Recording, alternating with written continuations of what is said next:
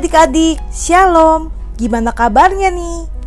Kak Flori senang banget bisa kembali menyapa kalian dalam program Renungan Harian Audio Cerdas Berpikir, edisi kisah-kisah dan toko-toko dalam Alkitab. Semoga kita bisa sama-sama belajar demi kehidupan yang lebih baik ya. Kakak lanjut ya. Setelah orang Israel meminta seorang raja, singkat cerita, Saul terpilih menjadi raja pertama di Israel. Waktu itu, secara fisik tidak ada yang sekeren Saul. Jadi, Saul dianggap mampu menyelamatkan bangsa Israel dari penindasan bangsa lain, yang waktu itu adalah orang Filistin. Tapi ada pengalaman tidak enak nih yang Saul alami 1 Samuel 10 ayat 27 bilang gini. Tapi orang-orang Dursila berkata, Masakan orang ini dapat menyelamatkan kita. Mereka menghina dia dan tidak membawa persembahan kepadanya. Tetapi ia pura-pura tuli. Jadi, Saul sempat mengalami penolakan oleh segelintir orang. Dan pengalaman tidak enak tersebut membekas di hati Saul dia menjadi orang yang takut ditinggalkan pendukungnya.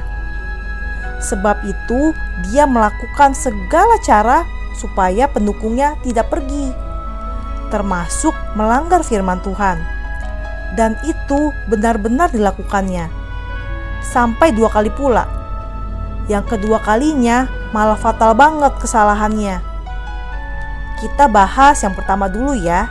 Yang kedua, tunggu aja di episode-episode berikutnya. Yang pertama terdapat dalam sepanjang 1 Samuel 12. Jadi, waktu itu Saul sedang memimpin peperangan melawan orang Filistin. Mereka lagi terjepit tuh sama orang Filistin. Hampir kalah gitu deh. 1 Samuel 13 ayat 8 mengisahkan gini.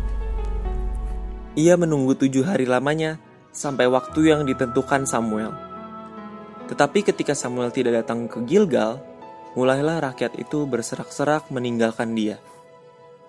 Sebelumnya nih, Samuel memerintahkan Saul begini dalam 1 Samuel 10 ayat 8. Engkau harus pergi ke Gilgal mendahului aku. Dan camkanlah, aku akan datang kepadamu untuk mempersembahkan korban bakaran dan korban keselamatan Engkau harus menunggu tujuh hari lamanya sampai aku datang kepadamu dan memberitahukan kepadamu apa yang harus kau lakukan. Karena rakyat mulai terpencar, Saul akhirnya melakukan pelanggaran. Waktu itu, yang harusnya memimpin persembahan adalah Samuel. Pas Samuel datang, Samuel pun menegur tindakan salah yang dilakukan oleh Saul.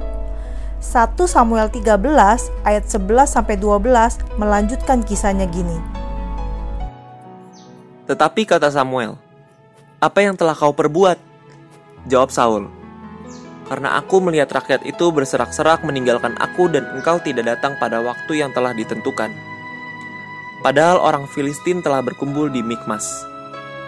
Maka pikirku, sebentar lagi orang Filistin akan menyerang aku di Gilgal, padahal aku belum memohonkan belas kasihan Tuhan.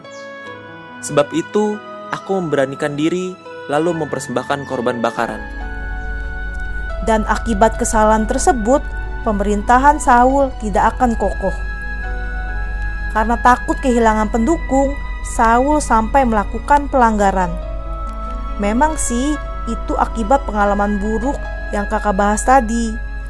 Tapi sebagai seorang raja, harusnya dia fokus bagaimana menjadi lebih baik supaya itu bisa ditularkan kepada rakyatnya.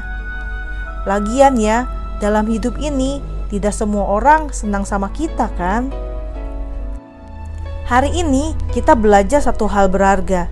Jangan takut dijauhin orang lain karena kita melakukan firman Tuhan atau melakukan hal yang benar. Orang yang meninggalkan kita karena kita melakukan hal yang benar, biarin aja. Itu berarti mereka bukan orang yang benar-benar memahami kita, atau mungkin mereka adalah orang-orang yang tidak mau memahami kita.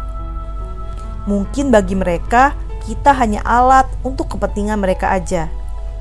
Misalnya nih, Jangan takut kalau temanmu akan ngejauhin kalian karena kalian tidak kasih contekan. Kalau teman kalian marah karena kalian tidak kasih contekan, kalian jelasin baik-baik bahwa itu perbuatan yang melanggar peraturan. Kalau mereka masih tidak mau ngerti juga, kalian pertimbangin ulang deh untuk berteman sama mereka. Karena teman yang baik pasti akan mendukung kita untuk melakukan hal yang baik. Perlu kakak ingatin nih, walaupun orang lain meninggalkan kita, tapi Tuhan tidak pernah meninggalkan kita. So, yuk kita tetap setia kepada Tuhan. Oke? Yuk kita berdoa. Tuhan Yesus yang super baik, lewat renungan harian audio cerdas berpikir hari ini, kami belajar dari Saul yang karena takut ditinggalkan oleh pendukungnya, dia sampai harus melakukan berbagai cara supaya tidak ditinggalkan, bahkan sampai melakukan hal yang melanggar peraturan. Jangan biarkan kami melakukan hal yang tidak baik hanya karena kami takut ditinggalkan oleh teman-teman kami, Tuhan. Tapi ajarlah kami supaya kami terus melakukan hal yang baik sekalipun oleh karena apa yang kami lakukan ini kami harus ditinggalkan oleh teman kami. Asalkan Tuhan tidak meninggalkan kami. Terima kasih Tuhan Yesus. Di dalam nama Tuhan Yesus kami berdoa dan mengucap syukur. Amin. Oke, Kaplori undur diri dulu ya. Tetap sehat, tetap semangat, dan tetap jadi berkat. Jangan lupa bahagia ya. Tuhan Yesus memberkati. Dadah.